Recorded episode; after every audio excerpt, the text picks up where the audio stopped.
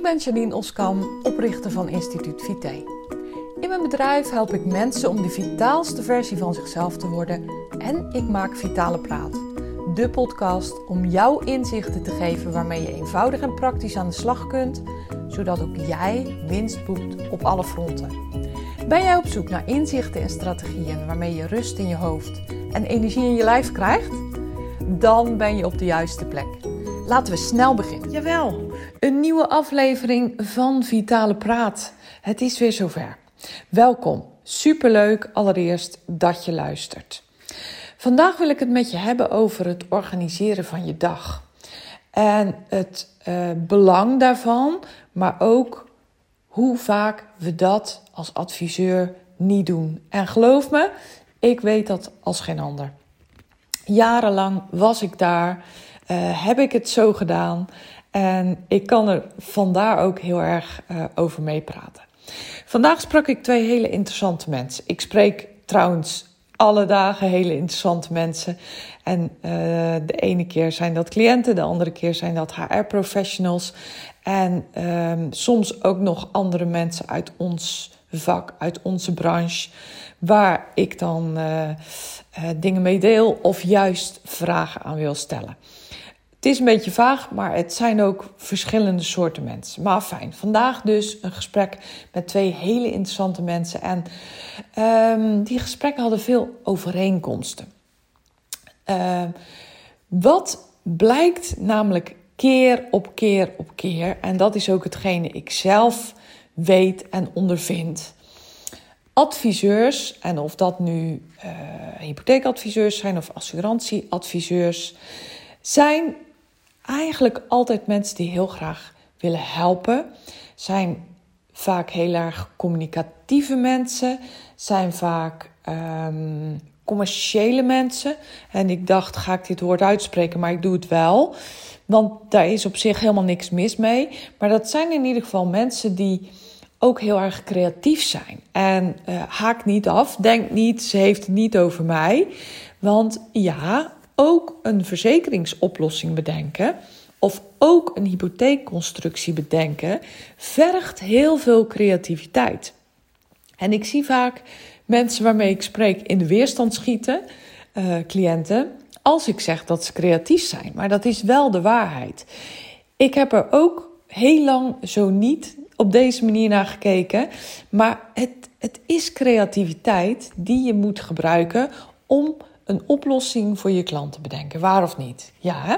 Nou, die, die eigenschappen die ik dus allemaal noem, dus creatief zijn, heel communicatief zijn, uh, vaak een beetje extravert zijn, helpend zijn, dat zijn vaak mensen die minder goed zijn in uh, orde houden, uh, organiseren, lijstjes afwerken, adviesrapporten maken. En daar ging dus een van mijn gesprekken over. Want dat vinden we heel eerlijk helemaal niet zo leuk. En dat, dat geldt echt 100% voor mij. Vroeger was het zo, uh, toen ik nog dag in dag uit hypotheekadviezen uh, deed, toen ik nog dag in dag uit inderdaad in die hypothekenmarkt zat, dan was dat adviesrapport maken echt voor mij een, nou, een, een, worsteling. Een kikker die ik moest slikken. Maar ik wist natuurlijk, en ik weet heel erg goed, dat dat rapport super belangrijk is.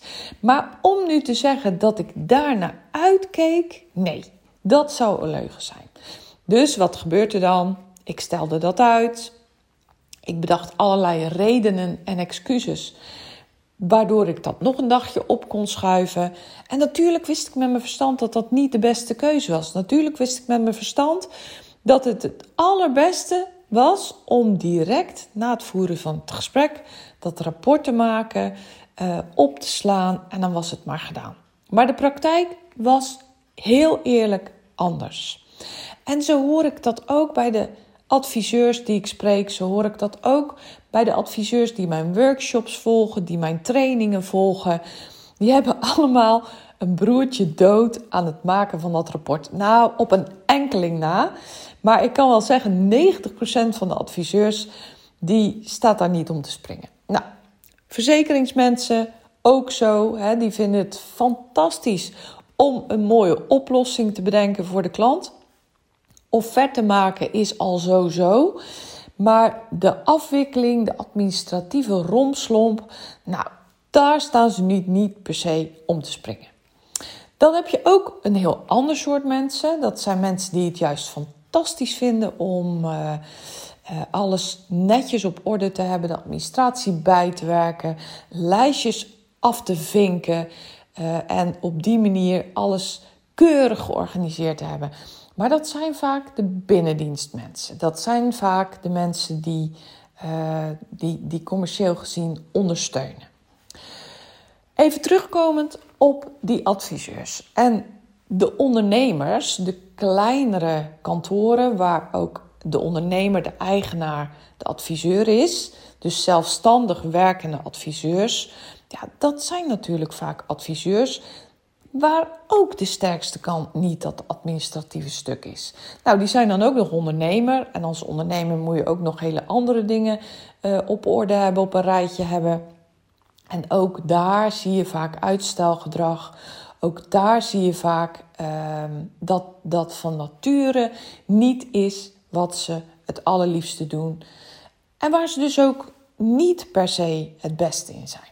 Maar goed, waar wil ik heen met mijn verhaal? Ik kreeg een burn-out. Als je me al langer volgt, dan weet je dat al lang. Maar ik noem het nog even. Uh, vanaf 2009 ben ik mede-eigenaar samen met mijn man van een assurantie- en hypothekenkantoor. En in 2015 kreeg ik een burn-out. Ik had hartstikke veel hooi op mijn vork, kreeg steeds meer en meer te doen. En onder andere het uh, afwikkelen van het administratieve stuk van mijn werk, ja, dat liep natuurlijk het meest uit de klauwen, om het maar zo te zeggen. Dat liep het meest mis. Want die klanten spreken, ja, dat ging allemaal nog wel. Dat vond ik ook, heb ik altijd leuk gevonden. Ik heb het altijd enorm leuk gevonden om met mensen uh, bezig te zijn, om oplossingen voor ze te bedenken om ze te helpen met het verwezenlijken van hun droom, van hun droomhuis vaak, of hun droomkeuken, of hun droomverbouwing, wat dan ook. Maar in ieder geval, ik was er altijd dol op om een oplossing te bieden. Helper zijn. Maar goed, dat administratieve stuk, dat liep op een gegeven moment uit de klauwen. En dat wist ik zelf ook wel. En ik hield mezelf altijd voor ja, maar dat is niks voor mij. Ik ben nu eenmaal niet zo. Nou, als er nu iets een dooddoener is, dan is het wel de uitspraak: dat is niets voor mij of zo ben ik nu eenmaal niet. Um, nou, dat, dat is de eerste les al in deze podcast voor jou. Zeg nooit tegen jezelf: zo ben ik niet, of dat kan ik niet, of juist ik ben nu eenmaal zo. Want alles is te leren en vaak eenvoudiger dan je denkt. Ik heb namelijk ontdekt dat juist bepaalde routines, juist bepaalde uh, structuren mij enorm veel verder helpen. En juist ook ervoor zorgen dat ik mijn creativiteit, hè, want dat is wat het is en dat gebruik ik nu ook nog steeds, uiteindelijk om oplossingen te bieden aan de mensen die ik nu verder help, om die creativiteit meer ruimte te geven, is het juist heel erg fijn dat je bepaalde dingen organiseert, dat je bepaalde routines hebt en die ook gebruikt. Dus ik heb al eens eerder een podcastaflevering opgenomen die ik volgens mij de kracht van routines heb genoemd. En daar uh, ga ik wat dieper in op die routines. Maar vandaag wil ik het dus hebben over um, de, de overeenkomst tussen de gesprekken die ik voerde vandaag met die twee verschillende mensen, die allebei beaamden dat inderdaad die creatieve adviseur, die helpende adviseur, gewoon minder goed is in het organiseren van zijn of haar dag. En daar zie je vaak de stress zitten. Ga maar eens na bij jezelf. Als jij al last hebt van een hoge werkdruk, als je al last hebt van werkstress, dan zit het hem vaak niet in de gesprekken met die klanten. Dan zit het hem vaak niet in, zelfs niet in de gesprekken die je voert met je aanbieders. Dus of dat nu een verzekeringsmaatschappij is of een uh, geldverstrekker. Zelfs dat stuk, dat is nog best wel jouw ding. Dat heeft niet de eerste voorkeur, maar, maar dat gaat ook nog wel. Maar komt het echt aan op het afwerken van lijstjes, van taken, ook zoiets. Ah, dan heb je allemaal van die taken die aan een dossier vasthangen. Nou, wij kunnen er als adviseur wel op spugen. Ga eens heel eerlijk na bij jezelf. Of jij moet die uitzondering zijn. Jij moet een van die 10% zijn die het of allebei heel erg leuk vindt, of juist dat organisatorische deel, uh, dat je daar heel erg van houdt. Maar ik kom ze niet heel vaak tegen. Maar goed, de stress zit dus in het stuk waar jij niet het beste in bent. Nou, nu kan je ook besluiten om dat uit te besteden. Hè, door een ondersteuner te hebben, is bijvoorbeeld een hele goede optie. Je kan ook besluiten om het echt buiten de deur te zetten. Dus door bijvoorbeeld hulp in te schakelen van externe partijen die je daarmee helpen. Maar er blijft altijd een stukje to-do-lijst over. Er blijft altijd een stukje taken afhandelen over. Er blijft altijd een stukje over wat niet je voorkeur heeft en wat je toch moet doen. Om jou rust te geven, om ervoor te zorgen dat je uh, vrijheid krijgt, juist vrijheid krijgt in je agenda, maar ook rust in je hoofd en uh, dus meer energie in je lijf, is het belangrijk dat je toch met dat organiseren aan de slag gaat. Nou, um, misschien heb je ooit een training bij me gevolgd, misschien heb je ooit een workshop bij me gevolgd. En een van de workshops, trainingen die ik geef, is slimmer werken. En in die workshop slimmer werken leer ik mensen zoals jij en ik om inderdaad met bepaalde routines en met bepaalde tools, met bepaalde methodes ervoor te zorgen dat je dag gesmeerd verloopt. Dat die agenda gestructureerd en overzichtelijk is. Dat je echt letterlijk overzicht krijgt in je dag. Dat je agenda niet meer uitpuilt, maar dat je gewoon lekker de ruimte hebt.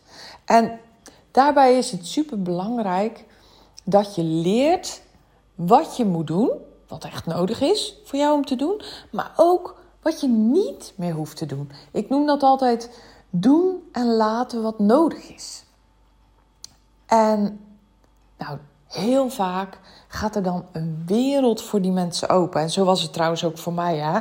Want uh, uiteindelijk alles wat ik nu aan jou leer, heb ik eerst zelf ondervonden. En door schade en schande wijs geworden. Zo kan je het echt gerust noemen in mijn geval. Want, uh, nou ja, ook hiervoor geldt, als je me al langer volgt, weet je dit al lang. Maar ik werk al meer dan 30 jaar in de financiële dienstverlening. En uh, echt, ik heb alles gedaan, alles gezien. Uh, op het gebied van adviseur zijn dan. Hè? Um, en ik weet dus ook, als geen ander, waar die valkuilen liggen. Dat maakt het ook hartstikke handig. Want ik heb ook ondervonden hoe enorm nodig het is dat je wel bepaalde structuren hebt en dat je die ook eigenlijk heel erg makkelijk kunt gebruiken. Een, een ander ding wat vandaag ook aan de orde kwam bij beide mensen die ik sprak. En de een was een HR-manager en de ander uh, was iemand die dus uh, adviesrapporten schrijft voor adviseurs. Hoe heerlijk is dat? Ik dacht, ah, ik had jou jaren eerder moeten ontmoeten. Dan had jij al mijn rapporten kunnen schrijven. Hoe fantastisch lijkt me dat. Dus ik, ik was ook heel erg enthousiast om met haar te praten. Want ik kan me namelijk zo voorstellen dat zij met haar bedrijf de grote redding is van de adviseur die omkomt in zijn agenda of in zijn of haar agenda met de afspraken. En dan heerlijk dit kan uitbesteden aan een ander. Maar goed, dat vergt weer een andere vaardigheid. Die heel eerlijk ons adviseurs ook wel eens niet helemaal 100% goed ligt. En dat is ten eerste goed kunnen communiceren. En dat is een kunst apart. Hè? Wij kunnen vaak heel goed aan de klant vertellen, um, met de klant communiceren, laat ik het zo zeggen. Maar communiceren over um, vaktechnische dingen met een ander, dat is wel eens een dingetje. Want heel veel adviseurs vinden, als ze heel eerlijk zijn, dat ze het zelf het beste kunnen. En dat die ondersteuner of diegene die hun helpt of die collega, hmm, ja, toch net een tandje minder is dan hun. Of niet per se minder is, maar ja, gewoon dat zij de beste oplossing bieden voor die klant. En daar ligt ook nog een valkuil. Want als je dat namelijk vindt, dan um, straal je dat ook uit. En dan is dat in je communicatie naar anderen ook weer te maken. Heel eerlijk, uh, weet ik van mezelf dat ik, dat ik niet zo was. Maar ik zie dat dus heel veel bij adviseurs die ik spreek. En dat maakt dat ook uitbesteden, delegeren, uh, gepaard gaat met enige wrijving. Nou, nu zeg ik het heel erg mooi, toch? Om dus echt vrijheid te krijgen, om ruimte te krijgen als je dat te weinig hebt, is dat ook een enorme belangrijke. En in de trainingen die ik geef, onder andere effectief communiceren, is dat ook een heel belangrijk stuk. Hoe doe je dat nou? En ook, hoe communiceer je nou met een acceptant? Hoe communiceer je nu met uh, iemand van een verzekeraar? Waar jij het totaal niet mee eens bent en die je eigenlijk met liefde de huid vol zou schelden. Maar je weet ook dat dat niet werkt. Je weet ook dat dat niet leidt tot het resultaat wat jij heel graag wil. En ook die acceptant van die geldverstrekker, waar jij denkt van nou ik trek je door de telefoon en zal je de waarheid dus vertellen. Ja, heel eerlijk, is niet effectief. En bedenk ook dat diegene heel vaak ja, ook maar aan de andere kant zit, letterlijk en figuurlijk. En zich aan de regels moet houden die uh, zijn of haar baas uh, hun weer oplegt. Nou, effectief communiceren is dus ook zo een dingetje. Alles bij elkaar trok ik vandaag twee keer de conclusie in het gesprek wat ik voerde met, uh, met, met die andere professional. Ja, dat toch eigenlijk wel heel veel valkuilen hetzelfde zijn en neerkomen op um, de grootste stress wordt veroorzaakt door deze dingen. Dus ik zal ze nog eventjes samenvatten. Um, niet goed kunnen organiseren, een, een, een broertje dood hebben aan lijstjes en, en takenlijsten, to-do-listen. Ja, dat is allemaal hetzelfde. Maar uh, adviesrapporten schrijven, uh, administratieve afhandeling, enzovoorts, enzovoorts. Eigenlijk vinden dat je het zelf het allerbeste weet en kan. Ehm, niet effectief communiceren, waardoor de boel in de soep loopt en je eigenlijk zelf met de gebakken peren zit en je een heel groot stuk van je eigen stress creëert. Stress is echt de grootste bedreiging van je vitaliteit. Stress is de grootste killer van je energie. Stress is de grootste killer van je vrijheid. Uiteindelijk haal je absoluut niet het maximale uit jezelf en je business als je zelfstandig bent, maar anders voor je werkgever, op het moment dat jij veel stress hebt. En een beetje stress is niet erg. Sterker nog, we kunnen niet zonder stress als mens. Maar te veel, te lange tijd stress is killing, letterlijk en figuurlijk. Dus, moraal van dit verhaal: Ga eens voor jezelf kijken, waar zit mijn stress? Wees bloedeerlijk tegen jezelf. Betekent uh, dat je ook ja, misschien wel even heel goed confronterend in de spiegel moet kijken. En ga eens na waar bij jou de grootste stressoren zitten. Denk je, hey Janine, weet je, je zegt hier dingen in deze podcast die ik herken. Wil je, me daar, wil je daar een keer met me over spreken? Wil, wil je dat ik eens een keer met je meekijk waar bij jou nou die stress zit? Laat het me dan even weten. Ondertussen uh, zit mijn agenda aardig vol, maar ik maak een aantal keren per maand tijd vrij om mee te kijken met iemand naar zijn of haar situatie. En ik geef je in zo'n sessie in ieder geval drie gratis tips waar je direct mee aan de slag kunt en waar je direct je stress mee kan gaan verlagen. Laat het me weten, neem contact op en ik kijk heel graag een keer met je mee. Stuur me een e-mail uh, of uh, benader me telefonisch of via WhatsApp. Telefoon is trouwens niet handig, want ik kan heel vaak niet opnemen. Beste is even een e-mailtje sturen. En uh, dan kijk ik of jij een van de gelukkigen bent die deze maand in aanmerking komt voor een gratis sessie. Dit was het voor nu. Ik wens je zoals altijd een hele mooie, prachtige, fijne dag. En heel graag tot een volgende podcast. Trouwens, ik heb hem al afgesloten, maar ik kom nog heel even terug. Vind je de informatie die ik waard, uh, deel waardevol? Laat het dan even weten in de comments. En geef me een sterrenrating. Je helpt me daar heel erg mee, want uh, dan kunnen ook anderen zien dat jij deze podcast waardevol vindt. Je kan je ook abonneren.